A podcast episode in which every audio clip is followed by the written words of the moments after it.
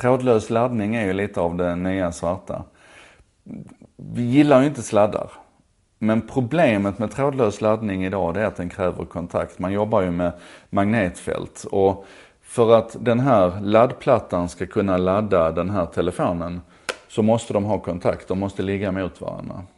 Och det är egentligen inte för att magnetfältet som sådant kräver kontakt. Utan det är för att vi måste forma magnetfältet så att telefonen och, och plattan så att säga hamnar i, i synk. Och Eftersom det då inte egentligen krävs kontakt utan bara ett, ett, magnetfält som är rätt format så finns det teknik för att, att kunna låta de här ladda även på avstånd. Men att räkna om hur magnetfältet ska konstrueras, det tar minuter med de kraftfullaste processorerna. Hittills. Nu finns det ett löfte här. Eh, det har varit en, en startup battle-tävling i San Francisco, Battlefield Startup. Och gänget som vann där, Pi, eller Pi på svenska, de har en fungerande prototyp nu. De säger att de har knäckt det här genom att en av grundarna, Li Chin-Chi, har kommit på en ny beräkningsmodell. Alltså ett helt nytt sätt att omforma det här, räkna ut hur vi ska omforma det här magnetfältet. Och deras demo så har de då inte en platta utan de har en liten kon istället, ser ut ungefär som en Google Home. Och runt den konen då så kan de bara lägga, eller för den delen hålla, upp till fem enheter i den nuvarande, nuvarande lösningen. Alltså 20 watt laddstyrka det betyder att du kan ladda fyra iPhones och en iPad samtidigt på upp till 3 decimeters avstånd. Och du kan använda prylarna samtidigt som du gör det. Du behöver alltså inte fixera dem för att magnetfältet ska kunna omformas och hitta rätt så att säga. Är ni med lite grann på vad jag menar? Och det här är ju fortfarande liksom inte att vi ska leva i en mikrovågsugn så här och att det finns ström överallt runt omkring oss. Men du kan komma upp till 3 decimeter ifrån den och så bara kicka grejen igång och börja ladda.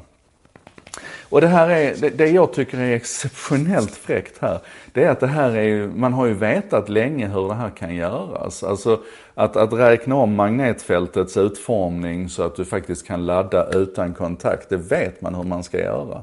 Men det tog så jäkla lång tid att göra de beräkningarna innan. Och det Li Chin-Chi lovar här nu det är alltså att man kommer ifrån någonting som tog två minuter att göra ner till någonting som tar två nanosekunder att göra. Alltså två miljondels sekunder och det betyder att han räknar om och omformar det här magnetfältet i realtid och det är därför den här tekniken funkar. Och det är det jag liksom så, det är här jag blir så fascinerad. Ni vet, vi ska ju vara förvånade och fascinerade och förundrade så här. Vi ska ju vara amazed av vår värld. Och jag blir så fascinerad av en snubbe som, han är nyexad egentligen från, från universitetet, ung, men har helt uppenbart huvudet på skaft.